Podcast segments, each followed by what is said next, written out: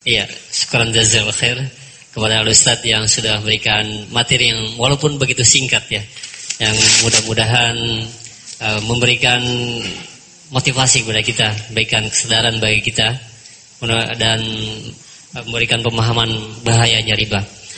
Baik untuk selanjutnya ya kami buka sesi soal jawab.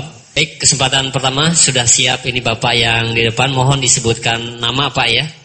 Dan nggak apa-apa Pak duduk aja, ada kamera di belakang. Iya. Baik, eh, silahkan pada Bapak silahkan.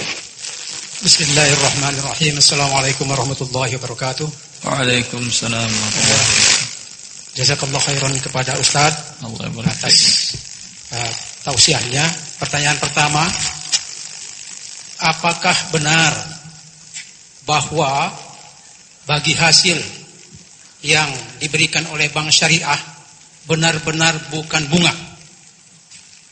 Karena sekarang orang karena takut berinteraksi atau makan riba, dia tidak mau menabung di bank-bank konvensional. Sehingga mereka lari ke bank syariah. Tetapi bank syariah itu motonya dioperasikan berdasarkan prinsip-prinsip syariah.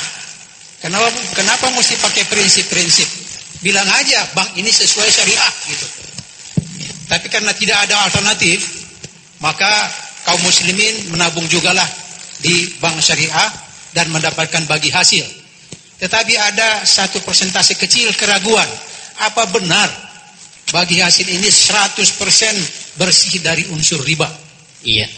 Baik. Yang kedua, ya. memang kita tidak dianjurkan untuk meminjam. Tetapi umat ini tidak mudah menjual aset, Pak.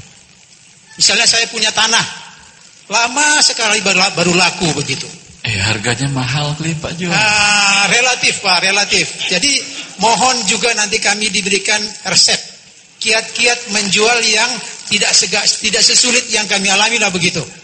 Supaya kami benar-benar yakin bahwa tidak meminjam itu uh, lebih baik.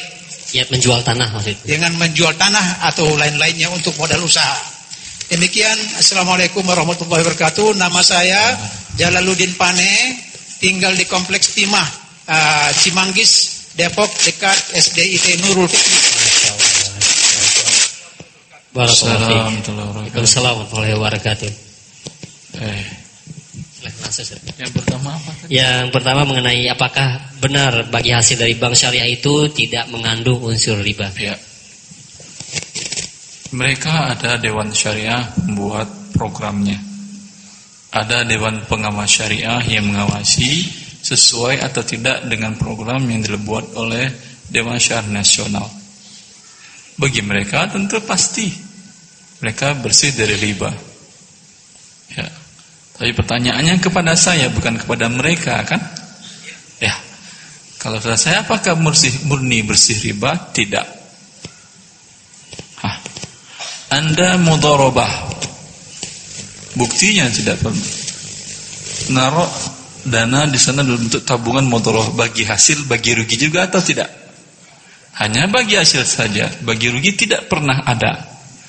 Dan juga tidak dicantumkan bagi rugi dalam kesepakatan waktu pembukaan tabungan rekening. Rekening tabungan, rekening mudharabah. Dengan demikian tidak mungkin rugi dibagikan kepada Anda. Bila tidak ada bagi rugi, hanya hasil saja dibagi, inilah ribanya. Karena riba yang mudharabah, untung dibagi, rugi dibagi. Kerugian modal ditanggung oleh pemilik modal dalam hal ini nasabah, penabung. Kerugian kerja ditanggung oleh bank sebagai pengelola dia tidak dapat upah. Ya Allah, kedua apa? Yang kedua mengenai cara mendapatkan modal Ustaz Sarum. Kiat-kiat kiat-kiat mendapatkan modal jual aset. Ya, betul jual aset bagus. Boleh asal jangan jual diri aja. Tanah boleh, rumah boleh, kendaraan boleh, dan lain-lain boleh. Eh, kalau tidak salah ada video singkat saya menjelaskan tentang bagaimana mendapatkan modal yang halal atau pinjam tanpa riba. Jual aset tadi ya, pinjam tanpa riba. Atau seperti yang jamak atau yang banyak dilakukan di pasar Tanah Abang ini apa? Ambil barang utang. Nanti bayarnya kapan? Setahun. Jangan bilang giro, nanti ada masuk permasalahan giro kalau atau tidaknya. Bayar tempo, umpamanya dua bulan, tiga bulan, enam bulan, ah, sembilan bulan, dapat modal barang. Iya atau tidak? Tidak selamanya modal harus pakai uang. Ini modal hanya kepercayaan saja. Pak, awas kampung pak. Ambo dulu di senantu di masjid belakang atau bawa cuma ya sedang. Oh iya iya iya. Abu bu barang pak sebentar bajuannya. Hah? Gak bila iya bayi. Eh ini ini ini live ya. Eh, maaf maaf. Kira habis paham kan antum? Coba terjemahkan terjemahkan. Kapan dibayar kata yang punya barang? Tiga bulan insya Allah. Jaminannya, jaminannya nih mau bapak mau kartu kredit, eh kartu kredit apa lagi? Bapak mau KTP atau mau surat tanah atau mau lainnya sebagai jaminan? Hah? Dapat barang kan ya modal? Pakai riba dari modal itu? Tidak. Banyak solusinya ada ceramah singkat saya beredar di YouTube kalau saya tidak salah. Nah, 10 ribu lebih sudah penuh, apa, pengunduhnya. Di situ saya jelaskan bagaimana kiat-kiat mendapatkan modal yang disesuaikan dengan syariah. Tapi yang paling penting modal Anda adalah kepercayaan orang kepada Anda. Abdurrahman bin Auf, seorang saudagar kaya raya. Hmm? datang ke kota Madinah tanpa membawa uang satu rupiah pun. Karena emang gak ada rupiah waktu itu. Dolar pun tidak ada. Hah? Satu perak pun tidak ada dirham. Satu dinar emas pun tidak dibawa dia. Sampai dia di kota Madinah, karena dia adalah pedagang ulet, langsung dia bertanya kepada orang kota Madinah, Dulu ni ala suk. Ketika ditawarkan modal untuk dagang, ini modal ambil setengah hartaku kata salah seorang penduduk Madinah. Kata dia enggak. Simpan hartamu, tapi tunjukkan kepadaku di mana pasar. Bukan sombong, bukan. Tapi bagaimana seseorang melatih dirinya untuk tidak bermanja-manja dalam mencari modal. Tunjukkan kepadaku di mana pasar. Ditunjukkan di pasar Madinah. Di waktu itu dia pergi ke pasar Madinah. Dan menjelang wafat Rasulullah tidak sampai sekitar 15 tahun dia menjadi orang kaya raya di kota Madinah. Ulet ulet ya akhir sabar. Allah ya barik Cukup. Nah, sekarang jazakallahu khair dan tadi menyangkut giro Ustaz tadi ada yang bilang juga giro. Nah, ini ada pertanyaan Ustaz. Apakah pembayaran dengan giro itu walaupun dengan bank konvensional ataupun dengan uh, bank syariah termasuk dalam riba Ustaz? Eh, giro ada diskontonya atau tidak? Ini berarti tukar uang dengan uang sama atau berlebih? Ada potongannya. Berarti sama atau bertidak sama? Tidak sama. Syarat nukar uang dengan uang kata Rasulullah sallallahu alaihi wasallam mislan bi sawaan bisawa. Harus sama. Sedangkan ini tidak sama. Nanti akan ada potongan. Iya atau tidak? Iya atau tidak? Eh, mencairkan giro ini yang bermasalah. Cek minta. Kalau cek ada potongan? Cek ada potongan? Cek ada potongan? Ada potongan tidak? Cek mundur itu ada potongan enggak? Cek biasa enggak ada potongan? Enggak ada. Minta cek. Jangan bilang Ustaz kalau enggak pakai giro gimana? Kami enggak eh, jualan di Tanah Abang Ustaz. Kata siapa gimana cara Tanah Abang? Ah, minta uang bayar dulu di depan bisa atau pakai cek bisa, tapi ceknya cek. Kalau bisa cek terdaftar minta register cek. yang ada stempel dari bank sehingga uang si pemilik cek ini udah diblok. Kalau cek biasa khawatir dia kosong atau belum ditransfernya dananya. Aha, banyak solusi yang lain. Allah ya Nah. Cukup? Cukup ya. Nah, jazakallahu khair. Iya, baik. Ya, eh, kita akan angkat pertanyaan di cari kertas ini. Kita bergantian ya. Nanti setelah ini disiapkan bagi yang ingin bertanya. Ini ada ada yang bertanya, ya Ustadz, bolehkah bunga deposito untuk membayar pajak? Bolehkah bunga deposito untuk membayar pajak? Bunga deposito ini hukumnya apa? Haram, riba. Sudah berdosa nggak anda melakukannya sebelum membayarkannya ke pajak? Berdosa. Kan Allah mengatakan yamhaqullahu riba wa yurbis sadaqat wa illam wa. Jika kalian tidak berhenti melakukan riba, kalian berarti mengumumkan perang dengan Allah Jalla fi'ulah. Ah? Allah barik fikum.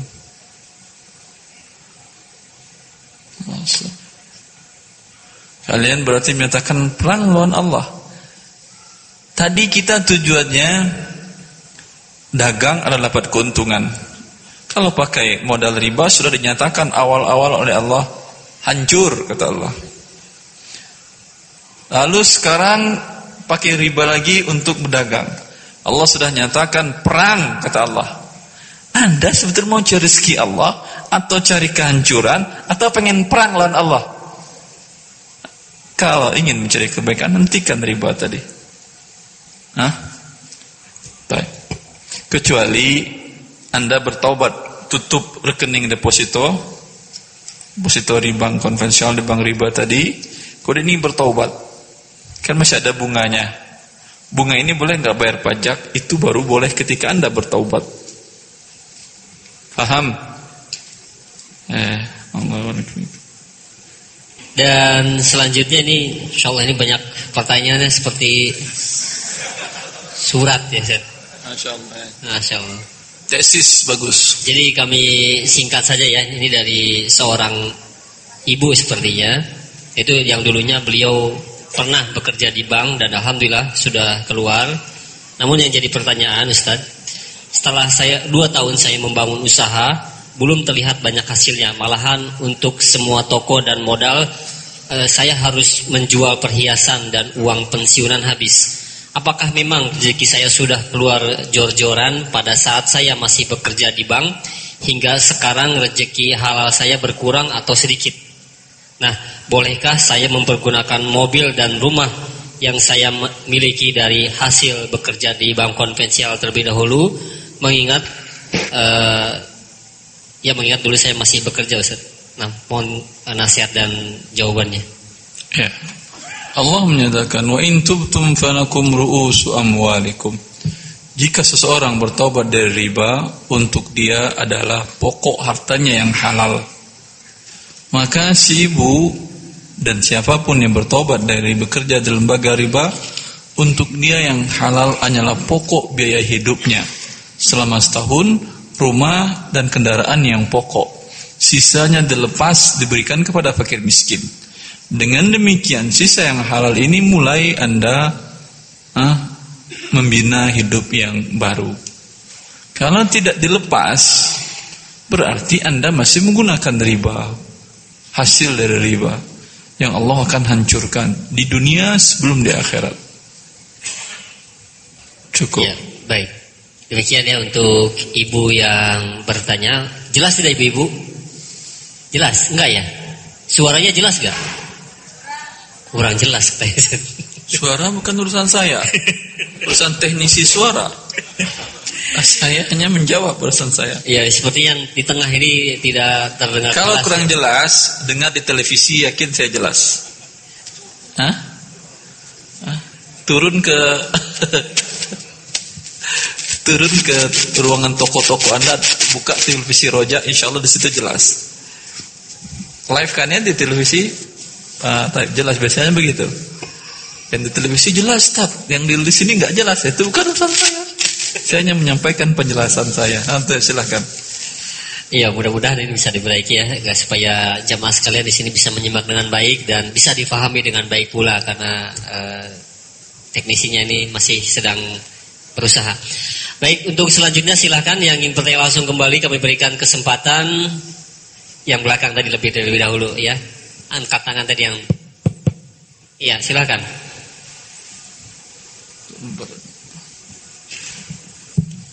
Assalamualaikum warahmatullahi wabarakatuh. Waalaikumsalam warahmatullahi wabarakatuh. Uh, pertanyaan saya cukup simpel, Ustaz. Jadi yeah. kita contoh di masyarakat ini ada seorang apa tukang kredit loh.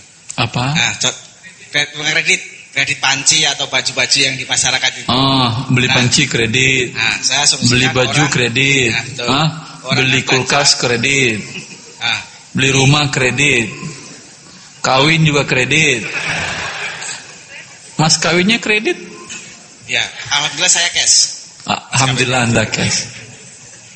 Jadi saya uh, kasih contoh si Asep pedagang panci belanja di jembatan 5. Ditawarkan ke ibu-ibu kampung, "Bu, ini kalau Kurang beli, jelas, kurang jelas. Saya, saya contohkan Asep si pedagang panci. Hah? Dia Asep. Saya sebut Asep ya namanya gitu. Karena kan banyak orang Sunda yang jualan kayak gitu. Ada ada si Asep. Bukan, kita contohkan aja. Nama saya Ali. Itu contoh set. contoh. Biar mudah dilogikakan gitu maksudnya. Ah. Jadi si Asep tadi si pedagang panci belanja di jembatan 5. 100 ribu katakanlah. Begitu sampai masyarakat, Bu saya punya panci. Kalau ibu beli cash sekian. Kalau kredit sekian bu. Nah itu termasuk termasuk riba atau bukan? Kalau Terus, kredit sekian itu, coba berapa? Kalau cash berapa? Contohnya kalau cash beli 100 ribu kan, uh, dijual cash 120 katakanlah begitu. Kalau kredit, Kalau kredit sebulan, bisa sampai 150. Sebulan. Bayar tiga kali atau berapa? Ah. Nah, terlambat ada denda atau tidak? Terus saya bandingkan satu lagi pertanyaan. Nah, terlambat ada denda atau tidak yang kredit? Oh, enggak ada. Ah, enggak ada. Boleh. Boleh. Tapi itu satu. Terus yang kedua? Yang pertama boleh. Boleh. boleh. Jadi kalau yang kedua eh, saya bandingkan Ali beli motor. Kalau cash sekian, kalau Tadi Asep, sekarang Ali lagi. Ali, saya sendiri aja deh. Nanti ah. tersinggung lagi nanti. Itu pertanyaan. Terima kasih. Ya Allah. Sudah selesai jawaban untuk Ali pas untuk si Asep. Terus. Ya, tadi juga ini ada pertanyaan senada dari Pak Ali ya dan mudah-mudahan dapat difahami dari yang bertanya. Baik, untuk selanjutnya ini ada pertanyaan Ustadz. Ya, uh, saya pernah mendengar ceramah Ustadz di televisi. Yaitu saya ingin mempertanyakan kembali, ketika saya menitipkan membeli sesuatu, misalkan contohnya makanan kepada teman saya yang sedang kebetulan berada di pasar Ustadz. Tapi kemudian setelah makanan itu datang, dia ikut memakan makanan yang saya titipkan tersebut. Apakah diperbolehkan? Wah, Beliau ke pasar. Lalu saya di rumah. Saya telepon beliau lagi di mana?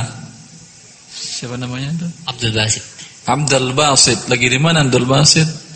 Lagi di pasar ini Ustaz.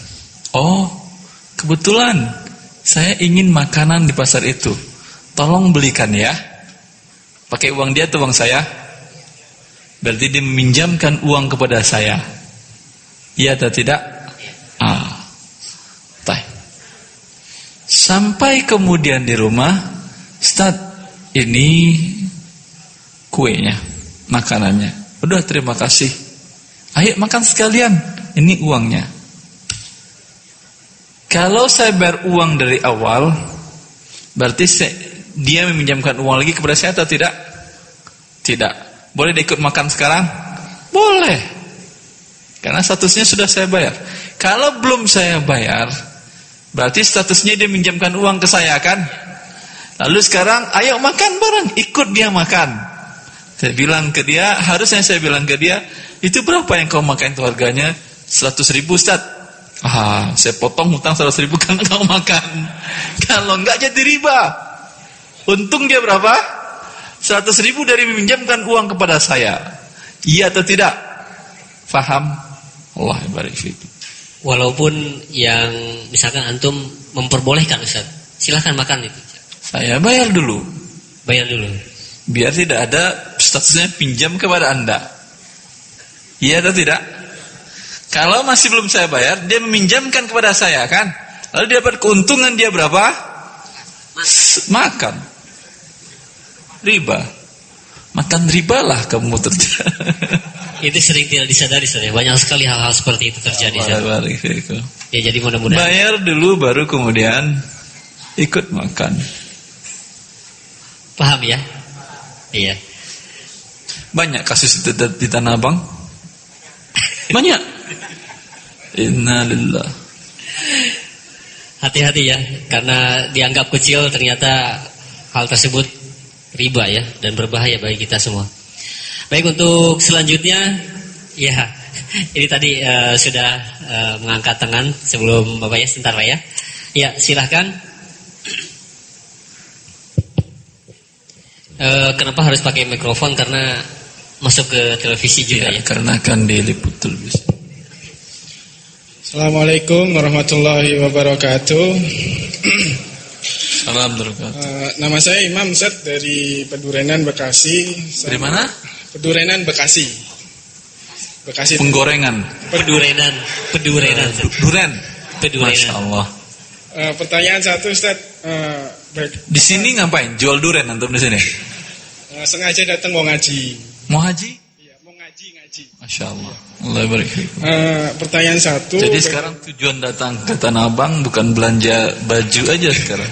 Ada tujuan kedua mau ngaji, alhamdulillah. Tapi nanti habis ini jualan boleh.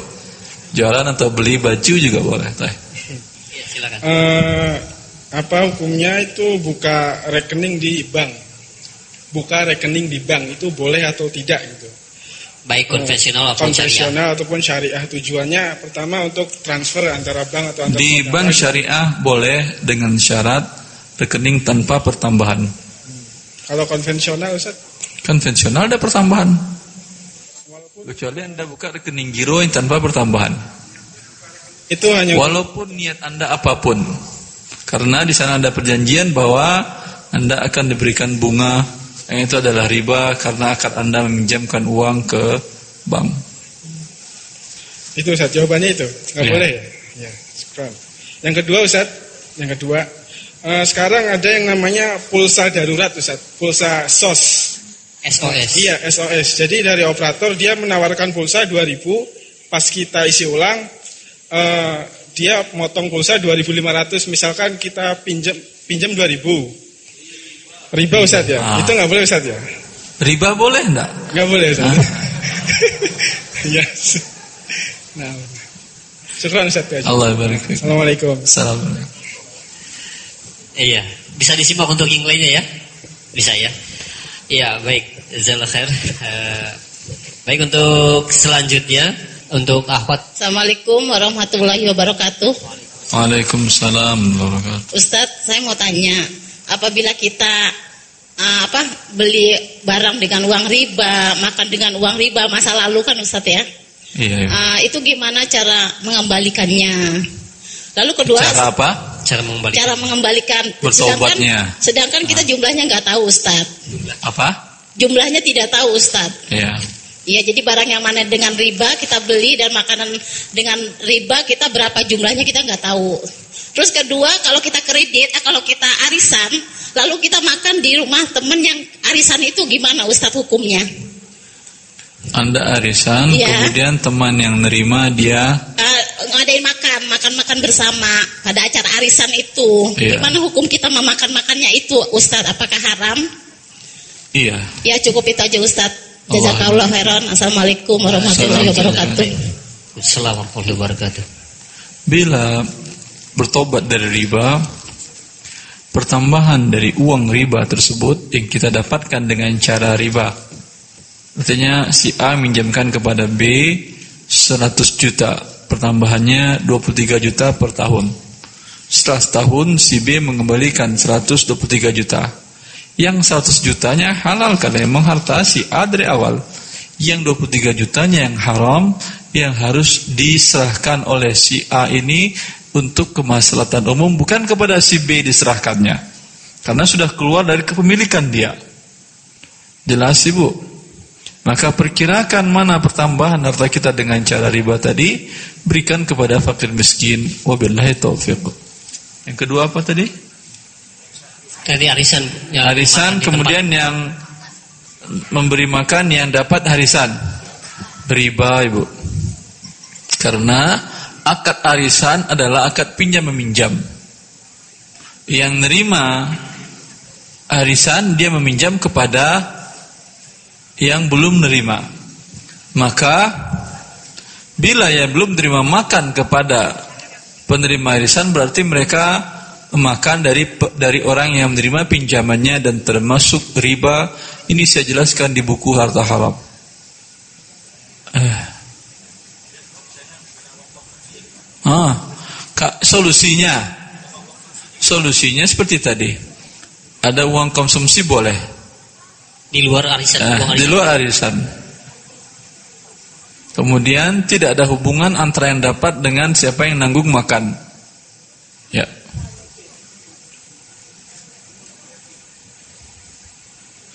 Terus. Iya cukup. Iya baik. Iya, eh, iya ada satu lagi. Iya silakan kami berikan kesempatan kembali untuk ibu-ibu yang ingin bertanya kembali. Iya silakan. Assalamualaikum Ustaz. Waalaikumsalam warahmatullahi Assalamualaikum wabarakatuh. wabarakatuh Ibu. Anak saya bekerja di perusahaan otomatis setiap bulan mendapatkan gaji. Tapi pekerjaannya itu pelatihan di setiap perusahaan misalnya eh, dia mengajarkan di lab gitu. Terus setiap perusahaan mesti ngasih makanan produknya misalnya minyak goreng atau kue-kue. Itu bagaimana Ustadz hukumnya apa haram atau kita tolak pemberian dari setiap perusahaan itu? Perusahaan yang beri makan apa? Eh, perusahaannya itu di chemical, di eh, merek-merek itu obat-obat, tapi dia Farmasi ya. ya farmasi, Iya, tapi iya. dia Jelas, jelas. ya. Jadi dia ada Ibu ragu diragukan bahwa ini sogok gitu. ya setiap pekerjaannya itu mengajar di misalnya ada perusahaan kue biskuit gitu, Iya, Terus iya. perlu anak Eh, saya jadi- tanyakan ibu anak ibu tanyakan ke perusahaannya ke HRD di perusahaan dia Iya. boleh nggak dia diberi makan siang atau makan malam atau sarapan oleh pengguna jasa perusahaan pengguna jasanya sebagian perusahaan melarang sebagian membolehkan. Bila perusahaannya membolehkan boleh tidak termasuk riswah ini. Bila perusahaannya melarang dan biasanya perusahaan asing melarang ya maka jadi riswah tidak boleh dia makan dari suguhan kliennya. Eh, Afwan Ustadz, dia selalu diberikan makanan banyak dari produknya itu misalnya di PT Kongwan.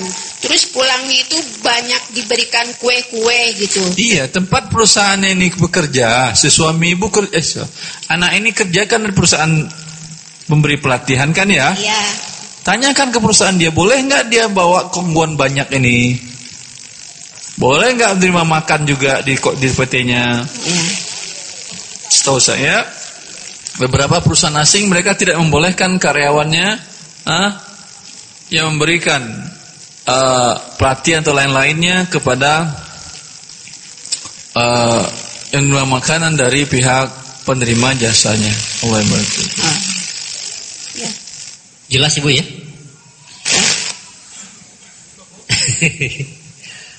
Jelas. Ih, Satu lagi. Iya silakan silakan.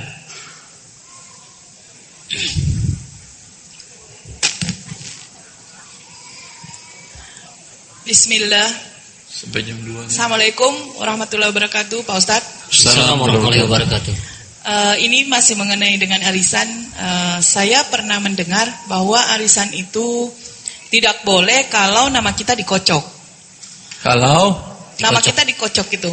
Maksudnya eh nggak ada masalah, kocok mengocok nggak ada masalah. nggak masalah. Masalahnya bukan kocok mengocok itu, masalahnya adalah tambahan dalam bentuk yang dapat menanggung makan, maka ini adalah riba. Oh. Kocok mengocok dalam ini boleh. Oh, iya. Itu saya jelaskan dengan rinci di buku saya, buku Harta Haram Kontemporer. Terus yang kedua, Pak Ustadz, eh, dalam konsumsi itu kan kita eh, membebani anggota arisan itu uang kon- uang konsumsinya itu misalkan 25 ribu. Terus kalau anggota ada salah satu dari anggota arisan itu nggak hadir, eh, katanya itu nggak boleh kita membebani eh, uang konsumsi karena eh, beliau itu nggak hadir gitu. Itu sama aja kita menzolimi beliau gitu. Kalau komitmen dari awal nggak ada masalah. Oh berarti nggak nggak nggak apa-apa sebelum kita membentuk arisan hadir nggak hadir harus bayar eh, uang uang konsumsi gitu Pak Ustadz. Iya. Oh iya. Ya. Iya, baik. Barakallahu fiik. Alhamdulillah. Fiki barakallah. Jazakallah atas pertanyaannya dan kami akan angkat pertanyaan sudah banyak ini di sari kertas ya. Ini ada pertanyaan. Ya Ustaz, bagaimana dengan uang pensiun yang harus diambil atau disalurkan melalui bank dan tentunya kita harus membuka rekening Ustaz. Dan setiap bulan ada pertambahan bunga. Nah, pertanyaan saya bagaimana caranya supaya tidak terkena riba Ustaz? Caranya tidak terkena riba, sampaikan kepada perusahaan Anda bekerja, saya uang pensiun saya tidak mau ditaruh di bank. Ya, sehingga tidak ada pertambahan. Kalau tidak bisa, apa boleh buat? Ketika Anda terima pensiunan, ambil uang Anda saja tanpa ada bunga. Ya, silakan. Iya. Ya Ustadz, bagaimana hukumnya jika kita meminjamkan uang kepada seseorang untuk membayarkan hutang ribanya? Minjam berarti harus kembali penuh. Tidak disebutkan Ustadz. Boleh. Boleh Ustadz? Iya, tanya bagaimana? Bolehkah atau tidak boleh? Iya, baik. Ya khair. Dan selanjutnya ini ada pertanyaan. Iya, misalkan saya mempunyai harta yang ingin dizat ini pengenai zakat ya, yang ingin dizakatkan sebesar 50 juta. Orang-orang yang berhak dan mau saya zakati satu saudara jauh yang punya kemampuan usaha, dua karyawan toko yang penghasilannya sepenuhnya dari saya, tiga warga-warga miskin sekitar rumah yang tidak atau kurang mampu untuk berusaha. Selama ini saya mengeluarkan zakat eh, kira-kira sebagai berikut, yaitu untuk saudara jauh sebesar 15 juta, untuk karyawan saya toko saya du- 10 juta dibagi 20 orang dan warga sekitar dibagi rata. Nah, pertanyaan saya apakah adil cara seperti ini Ustaz dan berhakkah Apakah mereka berhak terima zakat semuanya atau tidak? Kalau berhak tidak ada masalah. boleh Ustaz ya? Kata siapa boleh? Saya tidak menjawab boleh dan tidaknya. Saya tidak tahu apakah karyawannya itu berhak terima zakat atau tidak. Mungkin gaji karyawan tokonya itu 5 juta mungkin sebulan. Ah, Tidak. tapi dia mandiri sendiri, tidak ada anak, tidak ada istri. Bagi dia cukup ini. Karyawan yang satu lagi, anaknya 12, istrinya 3. Pendapatan dia sendiri. Gaji 5 juta pasti tidak cukup untuk dia. Berarti demikian boleh. Ya makanya saya tanyakan, tidak mesti setiap karyawan toko Anda boleh terima zakat atau tidak boleh. Kalau dia termasuk bagian dari mustahil zakat, boleh. Bila tidak, tidak. Iya, baik. Jazakallah khair. Demikian dan silahkan ingin bertanya langsung kembali. Iya, silahkan. Assalamualaikum Ustaz. Salam terima untuk masalah zakat mal kan ada dua syarat itu Ustaz. Eh, nisab sama haulnya. Ah. Nah, kebanyakan di kita gitu baru nyampe nisabnya langsung keluar gitu. Tapi dia kan syaratnya yang kedua harus mengendap dulu satu tahun Ustaz ya. Apa benar pemahamannya seperti itu Ustaz? Benar. Kan kadang-kadang biasanya kita cuma Sudah benar. Enggak maksud uh, maksud Anda uh, ketika kebanyakan kita gitu ketika dapat misalkan hasil berdagang misalkan satu dapat 100 juta se, dalam setahun itu kan langsung Hasil itu apa? Untung. untungnya gitu kan. Ah, Kan modalnya dari- berapa? Modal, dari keluar modal lah gitu, udah keluar modal. Yang dizakatkan bukan untung saja, dari modalnya juga. Dari modal juga misalkan gitu. Bila modalnya itu adalah barang niaga, Anggaplah 100 juta, kan udah lebih dari nisab sudah. Barangnya. Kan langsung dikeluarin tuh untung atau barang? barang sama untungnya Ustaz. Nah, 100 juta bantang untung mau barang terus. Nah biasanya kita kan udah segitu ada batas minimal kan satu nisab itu dari langsung dikeluarin Ustaz, tapi nggak di, diindapkan dulu selama setahun gitu. Harusnya kan diindapkan dulu gitu Ustaz. Tidak. Enggak, apa harus bisa langsung dikeluarkan gitu Ustaz. Kalau ngendap barang Anda jadi busuk.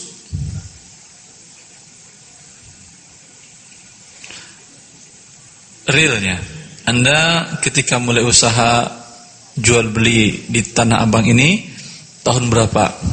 Tahun baru tiga tahun Ustaz. Tahun berapa? Baru tiga tahun jawabannya. Itu berapa tahun? Iya. Hah? 2013. 2013 bulan Awal-awal awal tahun Ustaz, awal bulan Maret. Maret. Kalau bulan Ramadannya apa itu bulan Komariahnya bulan apa kira-kira? Mana lupa tuh.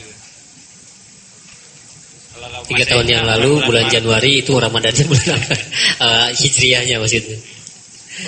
Ya lupa ya. Ya. Hitung Anda itu mama satu Ramadan. Ya. Ramadan tahun depan, satu Ramadan tadi ketika mulai usaha tadi, barang yang ada yang Anda jual belikan sampai enggak nilainya 45 juta? sampai Sampai. Sudah sampai ini sop namanya. Jelas. Dalam waktu Kemudian dalam waktu dalam perjalanan itu Ada- naik turun naik turun gitu Ustaz.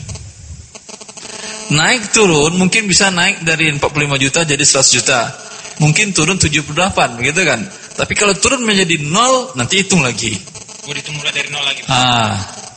Kapan dia sampai satu nisab lagi?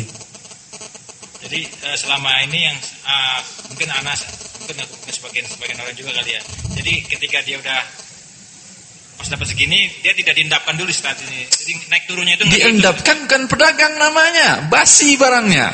Ya, pedagang itu berputar barang kalau bisa setiap hari. Ambil ambil barang langsung dijual, ambil barang langsung dijual, barang langsung dijual. Eh, itu yang pedagang yang sukses. Ambil barang dua tahun masih ada. Ini bukan pedagang namanya ini. Gudang, pegudang namanya. Jelas? Allah ya